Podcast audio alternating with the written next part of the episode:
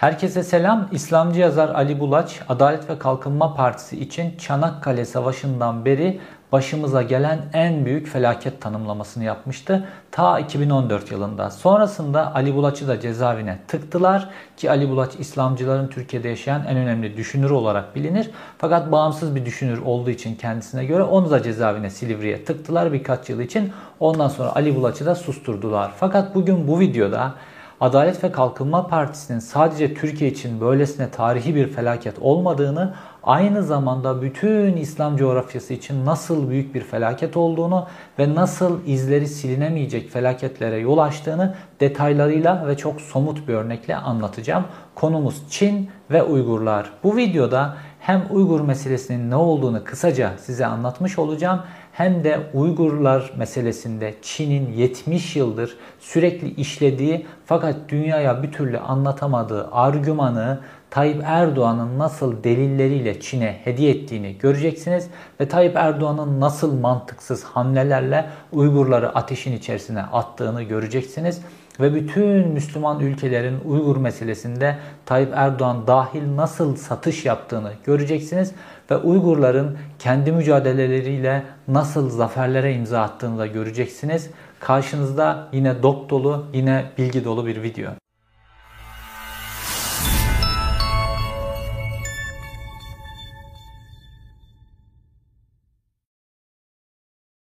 Konuyu tam olarak anlayabilmek için bu Uygur bölgesinin Çin için neden bu kadar kritik olduğunu anlamamız gerekiyor. Bir kere Uygur bölgesi 11 milyon nüfusuyla aynı zamanda da yüz ölçümüyle Avrupa'daki pek çok ülkenin birkaç katı büyüklüğünde. Mesela yüz ölçümü Fransa'nın birkaç katı büyüklüğünde olan bir bölge, bir alan. Fakat esas olarak Çin için önemli olan nokta son yıllarda Çin Batı ülkelerini kendisine çeşitli yönlerden bağımlı hale getirmeye çalışıyor ve Uygur bölgesi bunların hepsinin kavşağında. Enerji hatlarının geçtiği yer, demir yollarının, karayollarının bütün eski İpek yolunu kurmak istiyor ya. Bunların hepsinin kavşağında Uygur bölgesi var. Bu nedenle Çin için önemli. Petrol yatakları var, doğalgaz yatakları var. Aynı zamanda da tekstil açısından ki tekstil ürünleri Çin açısından son derece önemli dünyadaki hükümdarlığı açısından. Pamuk, pamuk üretimi, tekstil bölgesi açısından da Uygurlar son derece kritik. Fakat Çin'in bir de büyük bir hedefi var. Tıpkı bütün diktatörlerin ileride bir tarihe atıf yapmaları gibi mesela bizim diktatörümüz 2023 yılına sürekli atıfta bulunuyor ya.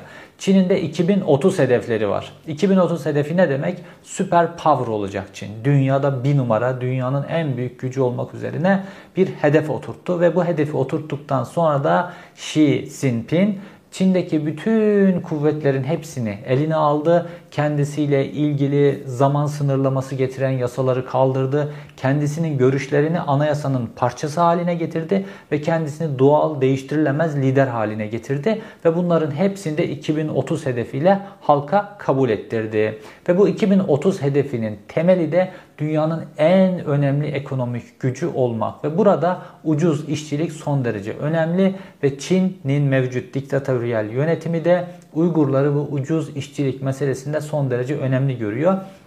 Çünkü bu kamplar üzerinden sözde eğitimden geçirdiği Uygurların hepsini köle işçi olarak fabrikalarda çalıştırıyor. Çünkü son yıllarda Çin'de işçilik maliyetleri son derece yükseldi. Bu Uygurlar gibi köle işçilere Çin'in ihtiyacı var. Bu köle işçilik meselesine birazdan geleceğiz. Fakat Çin uzun yıllardır, 70 yıldır Uygurları asimile etmek için çeşitli çabalar içerisinde. Bunu eğitim yoluyla mesela işte Çinliler e, Çin dilini tamamen kabul ettirme, Uygurların etnik kimliğini, Uygurların dini kimliğini, Uygurların dilini tamamen asimil etme, yok etmek için eğitim metotlarını çeşitli biçimlerde ve baskıyı çeşitli biçimlerde kullandı. Fakat bunların hiçbirisi işe yaramadı. 2012 yılına geldiğimizde işte Çin'in diktatörünün avuçlarının içerisine Tayyip Erdoğan tarafından ilk hediye konmuş oldu. 2012 yılında Tayyip Erdoğan Türkiye Cumhuriyeti Başbakanı olarak Urum için ziyaret etti. Uygurların yaşadığı bölge. O güne kadar Türkiye Cumhuriyeti'nin hiçbir başbakanı ve hiçbir cumhurbaşkanı Uygurların yaşadığı bölgeyi ziyaret etmiyordu ve bu bilinçli bir tercihti. Çünkü bölgede bir etnik tansiyon vardı ve Çin oradaki Türkleri ezmek için fırsat arıyordu. Dolayısıyla bu fırsatı vermemek için Türk Dışişleri'nin, Türk İstihbarat Teşkilatı'nın tavsiyesiyle hiçbir başbakan, hiçbir cumhurbaşkanı orayı ziyaret etmiyor. Türkiye çabalarını diplomatik seviyede yürütüyordu Uygur Türkleri için. Fakat Tayyip Erdoğan dış politik meseleleri ülke meselesinden, devlet meselesinden, vatan meselesinden çıkartıp kendi partisinin çıkarına kullanmayı adet haline getirdiği için bu ulusal, uluslararası meseleleri de bu tip pazara düşürdüğü için gitti orayı ziyaret etti ve Türkiye'nin içerisinde bunu kahraman gibi bütün yandaş medya pazarladı. Nasıl? işte Uygur bölgesini ziyaret eden ilk başbakan vesaire şeklinde pazarladılar. Fakat aynı yandaş medya Tayyip Erdoğan'ın ta 10 yıldır Gazze'yi ziyaret edeceğim dediği halde Gazze'ye gitmemesini niyeyse hiç gündeme getirmiyorlar. Ama Uygur bölgesinin böyle ziyaret etmesi o zaman kahramanlık olarak pazarlandı. Fakat Çinliler de bunu çok güzel kullandılar. Şimdi mesela Gazze'yi ziyaret etmesiyle ilgili İsrail problemler çıkartıyor ya. Çin öyle değil. Çin'in oradaki politikası farklı. Tayyip Erdoğan'ın yolunu otoban gibi açtılar. Tayyip Erdoğan gitti, Urum içini ziyaret etti. Orada gövde gösterisi yaptı. İşte öncesinde zaten bütün hazırlıklar yapılmıştı. Kahramanca karşılanmalar, halk kalabalıklar vesaire meydanlara çıktı. Ve sonrasında Çin orada oluşan bu reaksiyonun daha da devam etmesi için önlerini açtı Çin'in diktatörü. Ve sonrasında işte bu vizelerin de kaldırılmasıyla birlikte Uygur bölgesinden çok sayıda insan Türkiye'ye gitti. Türkiye'yi ziyaret ettiler. Burada arada karşılıklı ilişkiler geliştirildi. Sonrasında Türk restoranlarının açılmasına seslerini çıkarmadılar. Camilerin sayısının açılmasına seslerini çıkarmadılar. Bunun Türkiye tarafından finanse edilmesine seslerini çıkarmadılar. Ve orada böyle kendi Türk kimliklerini filan e, koruyan ve bunu öne çıkarmak isteyen kişiler armut gibi ortaya çıktılar. Sonra Çin bu herkesin böyle armut gibi ortaya çıkmasının hemen ardından bir anda herkesi toplamaya başladı. O Tayyip Erdoğan'ı meydanlarda karşılayan insanların hepsini öldürdüler. Ve Tayyip Erdoğan'ın buna çıtı çıkmadı. O cami açanların hepsini öldürdüler, işkenceden geçirdiler, tutukladılar, kamplara gönderdiler. Hiç Erdoğan sesini çıkarmadı. O Türk restoranları filan açılması bunların hepsi suç haline getirildi. Bunlar hiç Tayyip Erdoğan bunlara çıtını çıkarmadı. Ayrıca Türkiye'yi ziyaret eden gelen bunların hepsi fişlendi ve öncelikli hedef haline getirildi. Ve Tayyip Erdoğan bunların hiçbirisine çıt çıkarmadı. Çünkü o sırada zaten Tayyip Erdoğan Uygur Türklerinin başına daha büyük felaketler açmakla meşguldü. İşte Çin'in bu büyük baskısından sonra Türkiye'ye yönelik bir Uygur akını başladı ve şu an Türkiye Cumhuriyeti en çok Uygur mültecinin bulunduğu ülke konumunda. Fakat bunların vatandaşlığa geçirilmesi, bunlara legal kağıtlar verilmesi filan gibi meselelerde hiçbir adım atılmıyor. Lafa gelince soydaş, lafa gelince dindaş fakat bunların hayatlarını normal biçimde o Çin baskısından kurtulabilmiş gelmişler. Normal biçimde devam ettirmekleri için hiçbir adım atılmıyor. Her şey lafta. Adım atılmadığı gibi tıpkı Çin'in Uygurluları bedava işçi, köle işçi görmesi gibi Tayyip Erdoğan da aynı zamanda bu elinde hiçbir kağıt olmayan Uygurluları köle savaşçı statüsünde gördü. Nerede? Suriye'de. İşte burada Tayyip Erdoğan Çin'e arayıp da bulamadığı en önemli fırsatı verdi. Tayyip Erdoğan Uygurlarla ilgili planını gerçekleştirmek için önce Seyit Tümtürk'ü tasfiye etti. Seyit Tümtürk Uygurların insan hakları çerçevesinde mücadele vermesini savunan bir aktivist bir isimdi ve tamamen Çin'le bu ayrılıkçı meseleler filan gibi Çin'in işine gelecek şekilde bu mücadeleyi sürdürmüyor. Olayı tamamen insan hakları boyutunun üzerine oturtuyor ve dünyada da Türkiye'de de karşılık buluyordu. Fakat bu Tayyip Erdoğan'ın yapmak istediği Suriye politikasına karşı olduğu için Tayyip Erdoğan tarafından tasfiye edildi ve yerine Hidayetullah Oğuzhan isimli kişi getirildi. Ondan sonra Tayyip Erdoğan'ın tezi işlemeye başladı. Tayyip Erdoğan'ın Hakan Fidan'ın da Milli İstihbarat Teşkilatı'nın başına gelmesinden sonra ortaya çıkardıkları tez şu şekildeydi. Bu Uygurlular, Türkiye'de bulunan Uygurlular, bu kağıtsız, küreksiz Türkiye'de bulunan Uygurlar bunları biz eğiteceğiz. Nerede eğiteceğiz? Suriye'de eğiteceğiz. Bunlar Suriye'de eğitimden geçirilecek. Nasıl olsa işte eğit, donat, donat filan faaliyetleri var ya Suriye'de. Bunları da onun içine katarız. Paralarının, finansmanın bir kısmı da Amerika tarafından karşılanıyor. Bunları orada eğiteceğiz. Bunları orada donatacağız. Bunlar orada savaşmayı öğrenecekler Suriye'de ve Suriye'deki savaş bittikten sonra da Suriye'deki zaferimizden sonra da bunları muzaffer birer askerler olarak, muzaffer birer savaşçı olarak bunları Çin Uygur bölgesine göndereceğiz. Sonra bunlar orada Çin'e karşı bağımsızlıklarını kazanacaklar. Çin'e karşı bağımsızlık savaşını örgütleyecekler. Böylesine bir zihniyet, hiçbir mantığa oturmayan, Çin'in ordusunun gücünün farkında olmayan, Çin'in ordusunun gücünün karşısına böyle bir bağımsızlık mücadelesiyle çıktığınızda bunun nasıl bir soykırımla sonuçlanacağını hiç hesaplamadan böylesine bir hikaye. Çünkü belki de oradaki nasıl Suriye iç savaşını uzun süre iç politikada kullandıysa belki de ileride de onu da bu şekilde kullanırız diye tamamen iç politik hedeflerle bunu kararlaştırdı ve bölgeye 30 bin tane Uygur gönderildi. Nereye? Suriye'ye. Bu 30 bin tane Uygur sözde orada eğitildiler. Bunların eline silahlar verildi ve bunlar işte El Nusra cephesinin içerisine, zaman zaman IŞİD'in içerisine, oradaki o karışık yapının içerisinde Esed'e karşı, zaman zaman birbirlerine karşı, kime karşı savaştığı belli olmayan şekilde orada mücadelelerini, savaşlarını sürdürdüler. Ve günün sonunda Uygurların resmi tespitlere göre 10 bin tanesi orada hayatını kaybetti. Yani Çin böyle 10 bin tane Uygur'u ortadan kaldırınca böyle dünyada ses geliyor ya.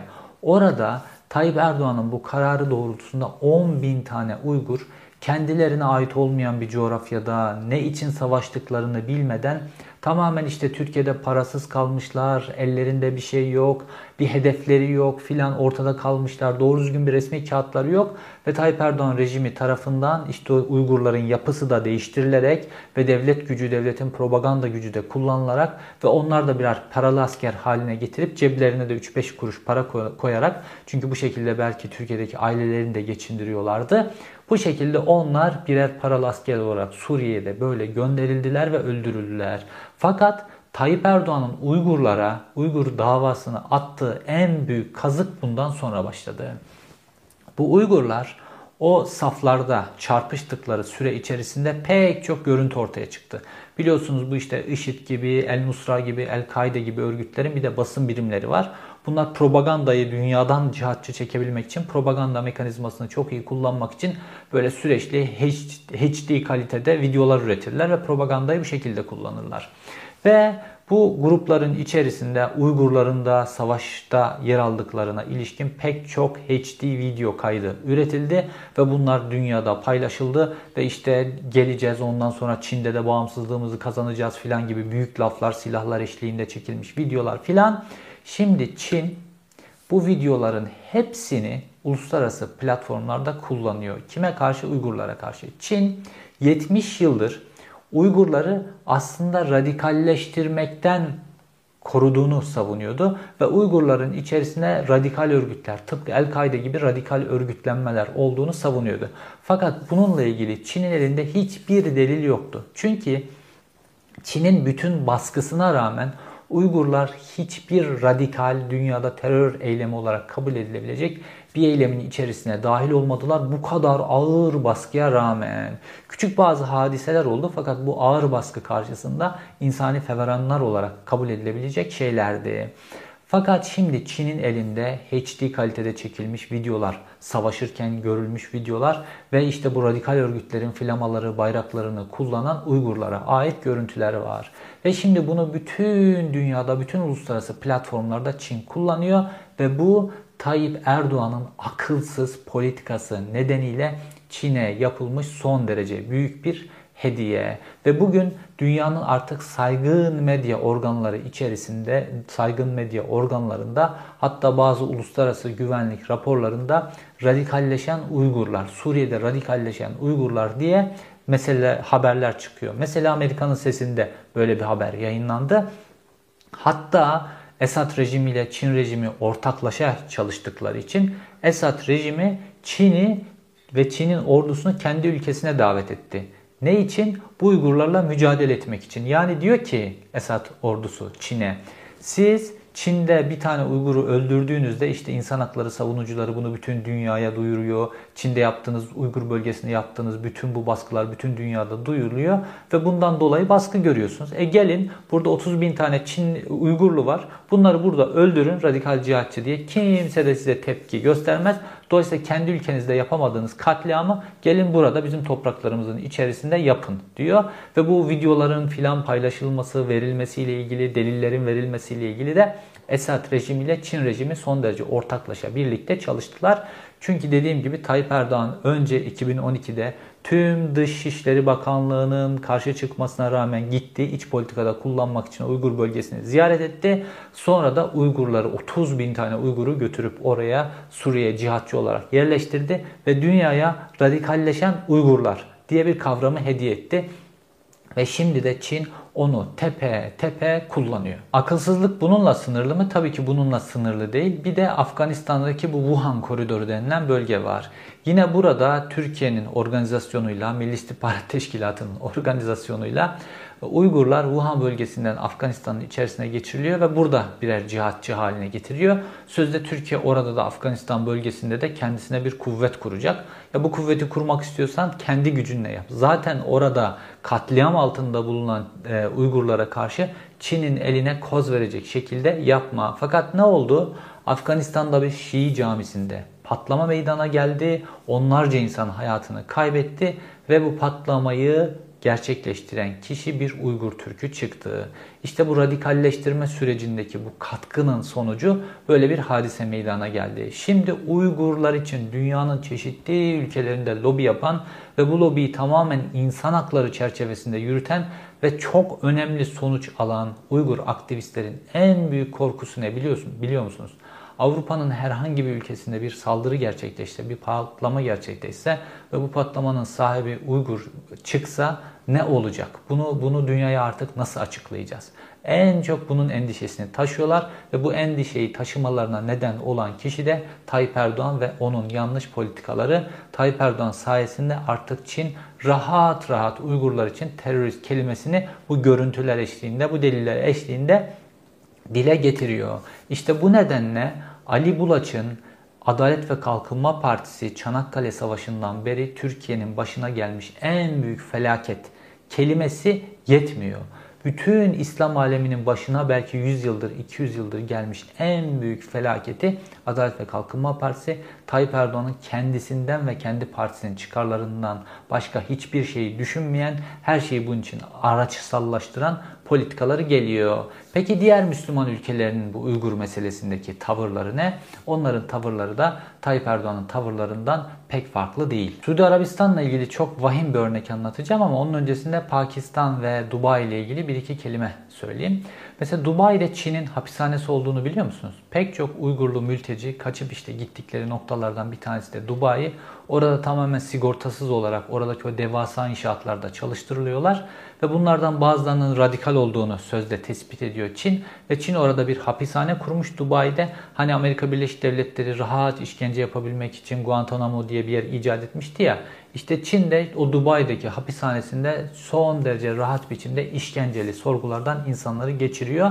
Ve bu şekilde sadece Müslüman ülkelerin bu şekilde Çin'in yaptıklarına göz yummaları, bakışlarını çevirmeleri, menfaat nedeniyle çünkü Çin bütün bu İslam ülkelerinin diktatörler tarafından yönetilen İslam ülkelerinin diktatörlerinin hepsini ekonomik çıkarlarla bağlamış durumda. Bakışlarını çeviriyorlar. Dubai'de Birleşik Arap Emirlikleri de bu şekilde bakışını çeviriyor Uygurlara yapılan zulümle ilgili. Mesela Pakistan dibinde Uygurlara bu hadiseler yapılmış olmasına rağmen ve Uygurların en rahat gelip sığınabilecekleri bir coğrafyada bulunmasına rağmen Pakistan tamamen Uygur meselesinde resmi tezlerini Çin'in resmi tezlerine oturtmuş durumda ve Uygurların radikalliğinden filan bahsediyor. Neden? Çünkü Çin İpek yolunu yeni İpek yolunu inşa ediyor ve bunu Pakistan'ın üzerinden geçirecek ve bu Pakistan'a büyük ekonomik katkılar sağlayacak. Bu nedenle Uygur meselesini satmış durumdalar. Fakat esas kritik ve vahim ve insanlık tarihine geçecek hadise özellikle Suudi Arabistan ekseninde dönen helal organ borsası. Helal organ borsasını ilk olarak Londra'da bir tane Çinli polis itiraf etti. Çin'den kaçıp gelip Londra'ya sığınmış Çinli bir polis gündeme getirdi. Ve sonrasında da bir doktorun bunu doğrulayan itirafları ortaya çıktı. Bu helal organ borsası şu şekilde işliyor. Çin, Çinliler Uygurları kamplara alıyorlar ve bugüne kadar 5.7 milyon Uygur kamplara alınmış durumda. Ve kamplara insanlar alınmadan, Uygurlar alınmadan önce kan örnekleri alınıyor ve DNA haritaları çıkartılıyor. Dolayısıyla kime gidecek, kime uyacak organ nerede? Çin'in, Çin'in elinde tamamen DNA dahil bir veri tabanı var. Ve sonrasında Suudi Arabistan Büyükelçiliği üzerinden doğrudan Suudi Arabistan Büyükelçiliği üzerinden bu halal organ borsası işletiliyor. Ve baktığınızda internette son derece rahat göre, görebilirsiniz. Bununla ilgili reklamlar var. Helal Organ from China diye web siteleri var. Dolayısıyla Çin'den bu tip helal organlar getiriliyor. Niye helal organmış bu? İşte Müslüman olmayan birisinden bir organ Müslümana takılırsa bu işte dinen caiz değilmiş filan gibi bir fetva uydurmuşlar. Ve bu fetvanın çerçevesinde Suudi Arabistan'da bu süreç yürütülüyor. Nasıl oluyor iş biliyor musunuz? Bir Suudi zengin herhangi bir organa ihtiyaç ihtiyacı var. Böbreğe, kalbe, göze vesaire organa ihtiyacı var. Suudi Arabistan Büyükelçiliği ve bu web siteleri üzerinden bağlantı kuruyor. Daha sonra bu kişi Çin'e götürülüyor ve Çin'e götürüldüğünde karşısına 5-10 kişi çıkartılıyor. Çünkü hangi DNA'nın hangi organın kimde olduğuna, kimin uçacağına ilişkin ellerinde zaten bilgiler var. Ve bu 10 kişiden kimin organını beğenirse o organı o kişiden alınıp Suudi zenginin vücuduna monte ediliyor. Daha sonra zaten o kişiyi evine bırakıyorlar. 2-3 gün sonra ölüyor, ölmüyor. Umurlarında değil zaten.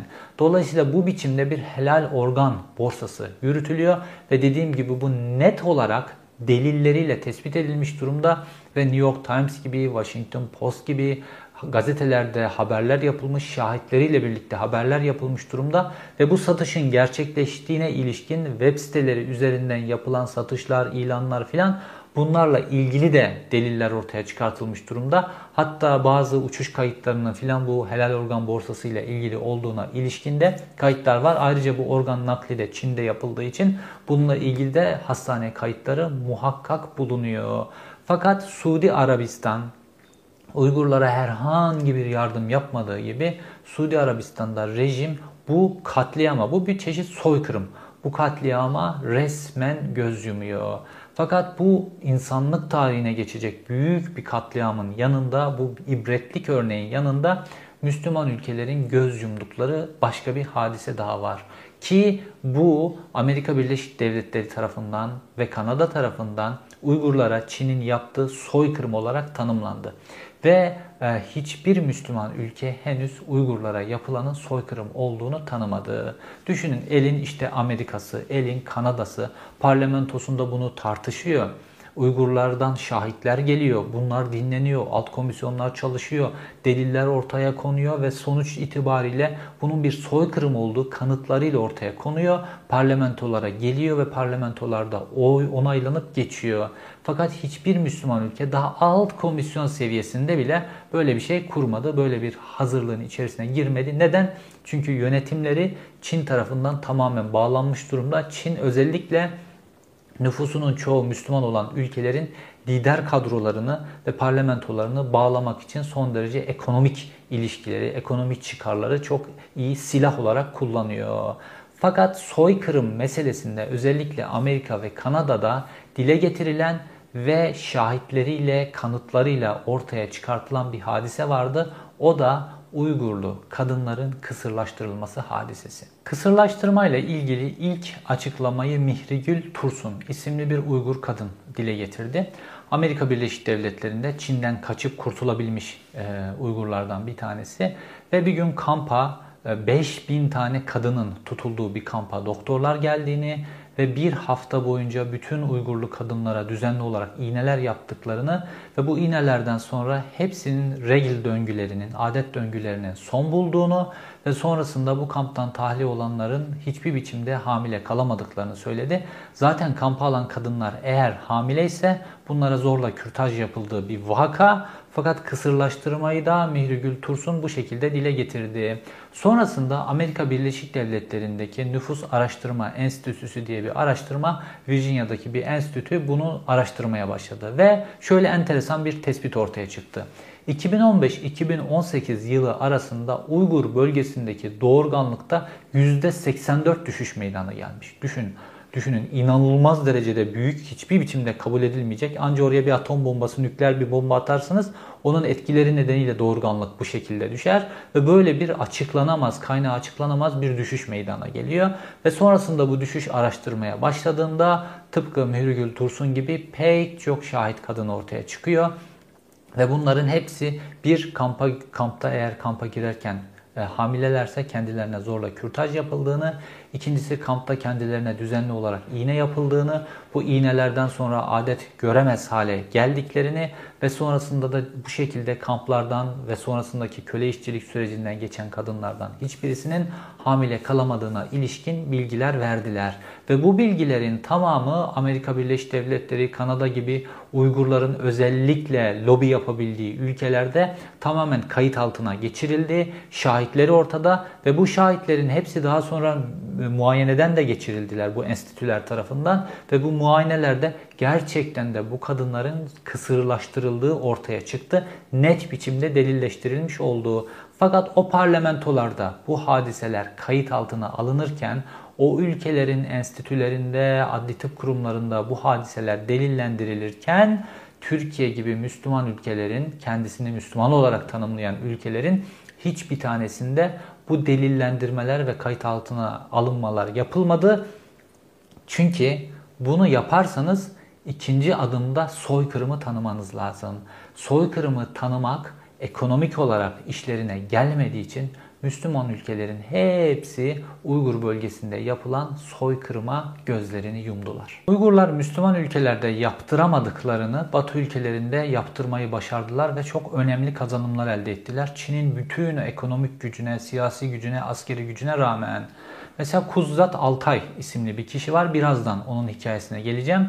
Kuzat Altay ve onun gibi Uygur aktivistler, hak savunucularının şu anda gündemde tuttukları köle işçilik diye bir hadise var. Bu son derece önemli ve şu an bütün hepimizin üzerinde durması gereken nokta bu. Çünkü Çin ancak bu köle işçilikle mücadele çerçevesinde durdurulabilecek gibi gözüküyor.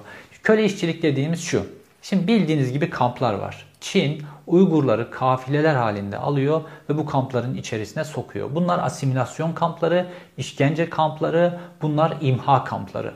Ve bu kampların bir kısmı da uydudan, Google üzerinden görülebiliyor. Fakat bu kamplardan hiçbir fotoğraf sızmamış durumda. Kamplarla ilgili bazı videolar var. Bunlar hep benzetme videolar genel olarak ya da Çin'in kendi propaganda videoları var. Sadece bir tane görüntü var kamplardan gerçek olan nasıl çekildiği bilinmiyor.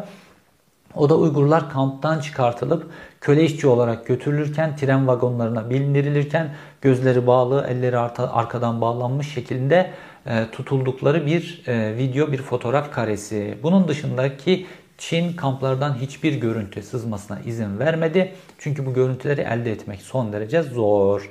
Çin'in bütün insanların cep telefonlarına, işte diktatörlük işi bu noktaya götürüyor. Cep telefonunuza bir devlet uygulaması yüklemek zorundasınız. Bu aplikasyonu yüklemek zor, zorunlu, mecburi. Ancak bu şekilde telefonunuz çalışıyor.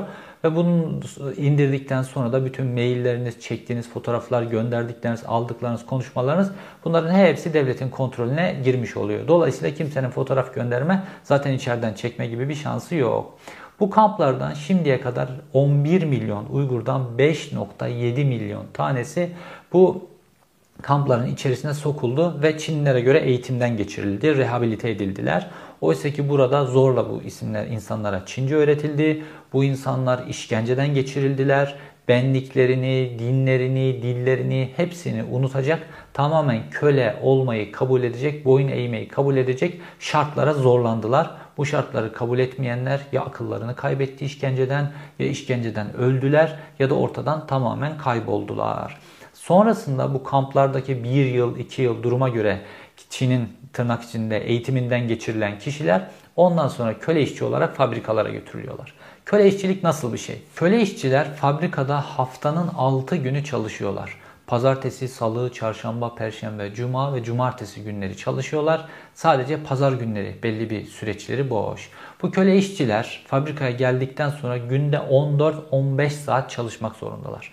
14-15 saat çalıştıktan sonra cumartesi günü akşam evlerine gitmeleri için izin veriliyor. Cumartesi günü akşam evlerine gidiyorlar, evlerinde uyuyorlar. Pazar günü öğleden sonra tekrar yola çıkıp gelip fabrikaya teslim olmak zorundalar ve fabrikanın olduğu yerde uyuyorlar, fabrikanın olduğu yerde kalıyorlar. Günde 14-15 saat çalıştıktan sonra da hiçbir e, tabi e, zehirli maddelere karşı korunma, o bu filan gibi hiçbir şey yok. Tamamen en ucuz maliyetle nasıl çalıştırılacaksa öyle çalıştırılıyorlar ve bunlar zaten çok da yaşlanmadan pek çoğu çeşitli gerek fiziksel hastalıklar gerek kimyasala maruz kalma gibi nedenlerle hayatlarını kaybediyorlar. Fakat Çin buna mecbur. Neden? Çünkü diktatörün koyduğu 2030 süper güç olma hedefi var. Bu hedefte de ucuz işçilik en önemli şey. Bu tip özgürlüklerin olmadığı ülkelerde böyle hedeflerinize böyle rekabeti geliştirerek, yeni teknolojiler bularak, dünyada mücadele ederek filan yapamazsınız. Bunlar ancak kendi halklarını köle gibi kullanır ve en önemli kozu da Çin'in ucuz işçilik. Bu ucuz işçiliği de şu anda sağlamakta zorlanıyor. Çünkü Çin'in kendi iç ekonomik dengeleri nedeniyle işçilik maliyetleri bazı ülkelerin çok üzerine çıktı. Dolayısıyla da Uygurlar Çinliler için köle işçi, sıfır maliyetli işçi pozisyonunda. Ve bu sıfır maliyetli işçiler bu şekilde fabrikalarda çalıştırılıyor. Ve bazı batılı firmalarında bununla ilgili suçları var. Mesela Apple gibi, mesela Nike gibi firmaların bununla ilgili suçları var. Çünkü köle işçilik kullanılan bölgelerde fabrikaları var. Şimdi Çin Çin'in yaptığı bütün bu baskı, zulümler, Çin'in kendi içinde yaptığı zulümler filan bununla ilgili mesela hiç doğru düzgün Hollywood filmi görüyor musunuz? Göremiyorsunuz. Çünkü Çinli yatırımcılar bir hedef olarak Hollywood'u tamamen neredeyse ellerine geçirdiler ve Hollywood'dan kendileri aleyhine çıkacak doğru düzgün bir yapım çıkartmıyorlar. Yani bu mesela Uygurlara yaptıkları meselelerle ilgili ne filmler çıkar hiç çıkmıyor. Ya da Çin'in kendi içerisindeki siyasi dengeler o bu filan zulümlerle ilgili hiçbir biçimde çıkmıyor. Artı bu yetmiyor.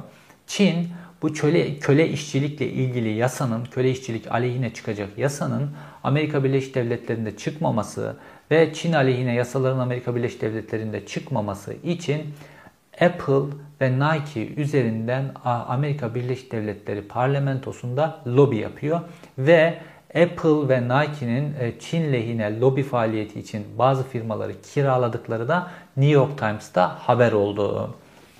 Bunu neden yapıyor? Çünkü orada üretim yapılıyor ve o üretim bölgelerinde köle işçiliğin kullanılması gibi bir durum söz konusu. Ve Amerika Birleşik Devletleri'nden işte bu Uygurların, bu Kuzat Altay gibi mücadeleci Uygurların, lobi gücünü kullanan Uygurların ve tamamen mücadelelerini insan hakları eksenine oturtan Uygurların büyük bir başarısı olarak Amerika Birleşik Devletleri'nden Senato'dan bir yasa geçti. O da ne? Köle işçiliğe karşı mücadele yasası. Ve bu yasa köle işçiliğin önlenmesi yasası aslında. Bu yasa çıktıktan sonra köle işçilik, zorla çalıştırma, kullanılan ülkelerden ve bölgelerden ihracat yasaklanacak. O bölgelerden ihracat yasaklanacak eğer köle işçilik yaptığı tespit edilirse. Dolayısıyla bu bazı Amerikalı firmalar için son derece tehlikeli. Mesela H&M açıklama yaptı. Bizim Çin'de yaptığımız üretimlerde hiçbir biçimde köle işçilik falan kullanılmıyor falan diye açıklama yaptı. Ve bazı Amerikalı firmalar bu yasayla e, karşı karşıya gelmemek için çünkü yasa şu an başkanın önünde onaylanmayı bekliyor ve başkan da muhtemelen bu firmalara üretimlerini başka ülkelere kaydırmaları için biraz zaman tanımak için bu yasayı geciktiriyor ve e, yatırımlarını başka ülkelere kaydırdılar. Mesela Meksika'ya kaydırdılar, mesela Hindistan'a kaydırdılar, mesela Tayland'a kaydırdılar ve bu Çin üzerinde inanılmaz büyük bir baskı oluşturuyor. Çin'in anlayacağı tek şey sopa ve bu sopayı bu lobi gücü e, Uygurların Amerika Birleşik Devletleri'nde organize ettikleri lobi gücü son derece iyi biçimde kullandığı. Fakat bu köle işçilikle ilgili yasa herhangi Türkiye'de hiç gündeme geldi mi? Hiçbir Müslüman ülkede bunun gündeme geldiğini gördünüz mü? Yok. Neden? İşte diktatörler tarafından yönetilirseniz Çin gelir o diktatörü satın alır. Başka bir ülkede satın alabilir. Hatta ülkenin içerisindeki iş adamları bile o diktatörü satın alabilir. Eğer diktatör tarafından yönetiliyorsanız tek adam rejimi inşa edilmişse ülkenizde Fakat şimdi Amerika Birleşik Devletleri'ndeki pek çok ülkeyi, pek çok firma için bu tehlike olduğu gibi mesela Samsung. Samsung Çin'deki e, fabrikasını boşalttı ve Çin'den taşıyıp başka bir ülkeye götürdü. Ve Samsung'un fabrikasının bulunduğu bölge o kadar çok işçi vardı ki orada bir şehir gibiydi. Oraya şimdi bakın mesela internette bulabilirsiniz. Hayalet şehir haline dönmüş durumda. Şimdi böyle olunca bu köle işçiliğe karşı mücadele yasası neden önemli? Şimdi köle işçiliğe karşı mücadele yasası çerçevesinde bu tip gelişmeler yaşanıp da bir fabrika kapandığında ne oluyor biliyor musunuz? Çinliler orada çalıştırılan o köle işçileri, Uygurları sabun yapmıyorlar, onları öldürmüyorlar. Onları köylerine geri gönderiyorlar. Dolayısıyla bu insanlar kurtulmuş oluyor. Dolayısıyla bu son derece önemli ve Uygur lobisi için de bu yasayı çıkartılmak çıkartmak son derece önemliydi ve bu başarıldı. Bunlardan bir tanesi de bu mücadeleyi sürdüren insanlardan bir tanesi de Kuzat Altay. Bu isimde Türkiye'ye gelmiş, Türkiye'de bulunmuş. Ondan sonra işte e, Harvard gibi bir üniversitede eğitim görmüş. Şimdi Amerika Birleşik Devletleri'nde yaşayan fakat halkını unutmayan ve her şeye rağmen her türlü kendi ailesinin riske atılması tehlikesine rağmen halkını unutmayan ve mücadele veren Uygurlardan bir tanesi. Şimdi Uygurlar mücadelesinde özellikle diasporaya geçen yani mülteci olan Uygurlar mücadelelerinde bir ikilemle karşı karşıya kaldılar. Şu an Türkiye'yi terk eden e, ve mülteci konumunda bulunan insanların da e, aynı ikilemde kaldığını düşünüyorum ve görüyorum. O da şu. Türkiye'de insanlar sesini çıkartamıyorlar ya da Çin'de insanlar sesini çıkartamıyorlar bu başka baskı rejimlerine karşı. Siz ise özgür bir ülkedesiniz. Özgür bir ülkede ah artık ben özgürüm diye rahat yaşayabilirsiniz. Ya da geride bıraktığınız halkınızı, insanlarınızı, akrabalarınızı düşünerek onların geleceğini, onların çocuklarının geleceğini düşünerek mücadele edersiniz. Açıktan mücadele edersiniz. Fakat bu mücadeleyi yaptığınızda ilk önce sizin akrabalarınızın, yakınlarınızın, annenizin, babanızın başına bir iş getirilme durumu vardır. Ve Çin de bunu yaptı. İlk önce Çin'in yaptığı bütün bu zulümlerin işte kısırlaştırma, organ ticareti, kamplardaki işkenceler bunların hepsini dile getiren batılı ülkelerdeki Uygurların akrabalarını topladılar.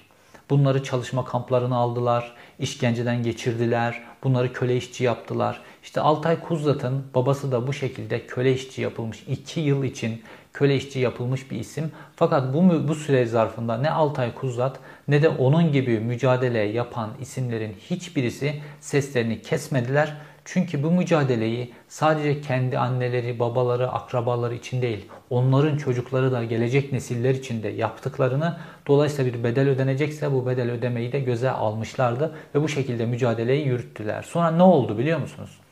Çin akrabaları yurt dışında olan yani mülteci olan diğer ülkelerde ve bu şekilde mülteci olup da sesini çıkartan, mücadele eden, yapılan işkenceleri anlatan kişilerin akrabalarının hepsini bıraktı. Niye biliyor musunuz? Bu insanlar o ülkelerin medyasına, o ülkelerin meydanlarındaki eylemlerde benim annem kayıp, benim babam kayıp, benim babam çalışma kampında, benim babam işkencede filan diyemesin diye bunların hepsinin akrabalarını bıraktılar. Ve e, e, Kuzlat'ın ailesi de böyle, babası da bu şekilde bırakıldı. Hatta Çin o kadar sıkışmıştı ki onun babasını aldılar bir restorana götürdüler. Restoranda yemek yerken videolarını çektiler filan. Bunu propaganda unsuru olarak kullandılar. Hatta Kuzlat da telefonla görüşmesine müsaade ettiler. Ve tabi babası ne desin o baskı altında? Biz çok iyi, çok rahatız, bize çok iyi davranıyorlar filan diyor ama karşı taraf mesajı anlıyor. Fakat onun sonrasında baktılar böyle de olmuyor. Kuzat'ın babasıyla telefonla konuşmasını yasakladılar ve bu tip insanların akrabalar için tehlikeli kişi diye bir tanımlama belirlediler. Ve biliyorsunuz Çin'de böyle herkesi yüz tanımlama sistemleri var. Ve Uygurların evlerinde de böyle or kodları konmuş. Hepsinin evlerine or kod konmuş. Polis geliyor or kodu ok- okutuyor filan. Ve bu tehlikeli kişilerin akrabaları mesela bir markete gittiğinde o markette bir anda alarm çalıyor. Çünkü yüz tanıma sisteminden okuyor ve ha tehlikeli bir kişi girdi markete. Bu insanların üzerinde işte toplumsal dışlanma çünkü bakışlar hep size dönüyor filan bu mekanizmayı kullanıyorlar sadece. Fakat dediğim gibi bu insanlar akrabalarının zulüm çekmesine rağmen, annelerinin babalarının kamplara götürülmesine rağmen mücadele ettiler ve bu mücadele sayesinde köle işçiliği önleme ile ilgili bir yasa Amerika'da senatodan geçti ve başkanın önüne geldi ve bu şu an Çin'in üzerindeki en büyük baskı mekanizması. Dediğim gibi Samsung gibi firmalar Çin'i terk ettiler. Apple, Nike, H&M gibi firmalarda Çin'in dışında üretim yerleri belirlemek için şu an fabrikalar inşa ediyorlar ve üretimlerini çekecekler. Bu Çin üzerindeki en büyük baskı mekanizması. Peki biz vatandaş olarak ne yapabiliriz? İşte burası da son derece önemli. Bir kere şunu kabul etmek gerekiyor. Bu diktatör rejimler hani sadece o Uygurlara Müslüman oldukları için baskı yapmıyorlar ya da Türk oldukları için baskı yapmıyorlar. Bu diktatör rejimler farklılıklardan nefret ederler. Her türlü farklılıktan. Mesela Çin'de Hristiyanlar var. Bu Hristiyanların üzerine de aynı biçimde baskı yapılıyor. Hatta Çin'de böyle yeraltı kiliseleri denen bir e, mekanizma var. Hani Romalılar böyle Hristiyanlara baskı yapıyorlarmış. Onlar da yer altında şehirler, kiliseler e, yapmışlar ya uzun yıllar. Aynı şekilde Çin'de de şu an yeraltı kiliseleri denen var. Hristiyanlar gizli gizli ibadet yapıyorlar. Aynı zamanda Tibet'te Çin çok önemli baskıda bulunuyor. Moğolistan üzerine çok önemli baskısını arttırıyor son zamanlarda. Hatta Moğolistan'ı e, işçi Moğolistan diye e, adlandırıyorlar. Çünkü orayı da köle işçiliğe çevirmek istiyorlar. Dolayısıyla bütün farklılıkları hedef almış durumdalar. Fakat Uygur Türkleri 11 milyon ve son derece geniş bir coğrafyada ve önemli enerji, demiryolu, karayolu hatların üzerinde bir bölgede olduğu için daha çok hedefler ve farklılar. Böyle oysa ki burada bir işbirliğine dönüştürülebilir bir demokraside bu farklılık zenginlik demek. Fakat bu diktatör rejimler için bunların hepsi hedef.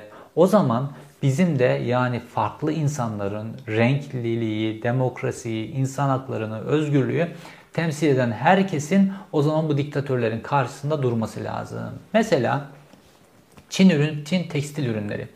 Bir Çin tekstil ürünü alıyorsanız eğer şundan emin olmanız lazım ki bunda köle işçilik var. Çünkü Çin'in tekstil ürünlerinin hemen hepsi Uygur bölgesindeki işte o pamuk vesaire onların üretiminden geçiyor. Çin ürünü etiketine bakın. Made in China yazıyorsa bir tekstil ürününde almayın onu. Gidin başkasını alın. Çin ürünü satan bir mağazaya gidin konuşun. Mesela bu Kuzat Altay'ın en çok yaptığı şeylerden bir tanesi.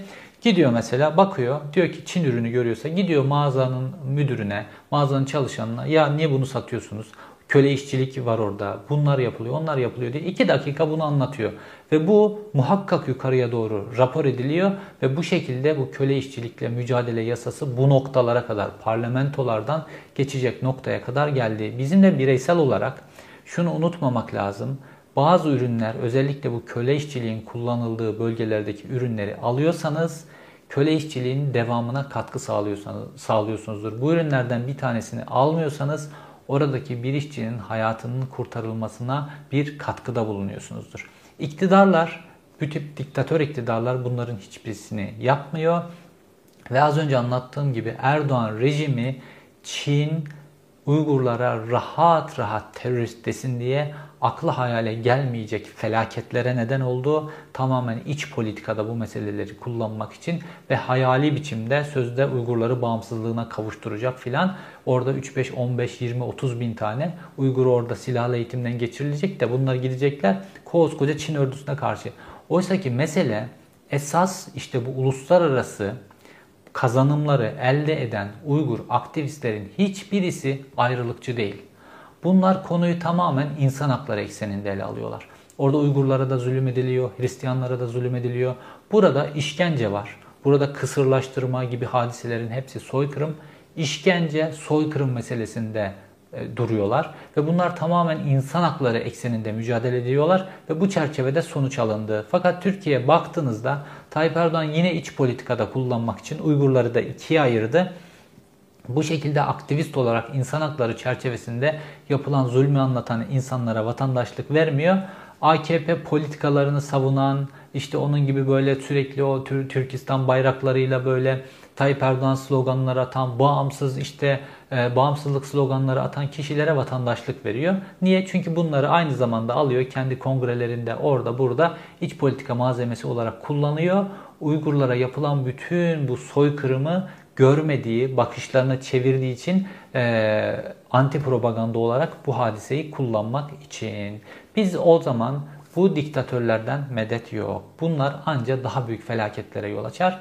O zaman bizim Uygur'daki zulmü durdurmak için Mesela tekstil ürünlerinden başlayarak Çin ürünü herhangi bir tekstil ürünü almayarak oradaki zulüm altındaki insanların kurtarılmasına bir katkı sağlayabiliriz.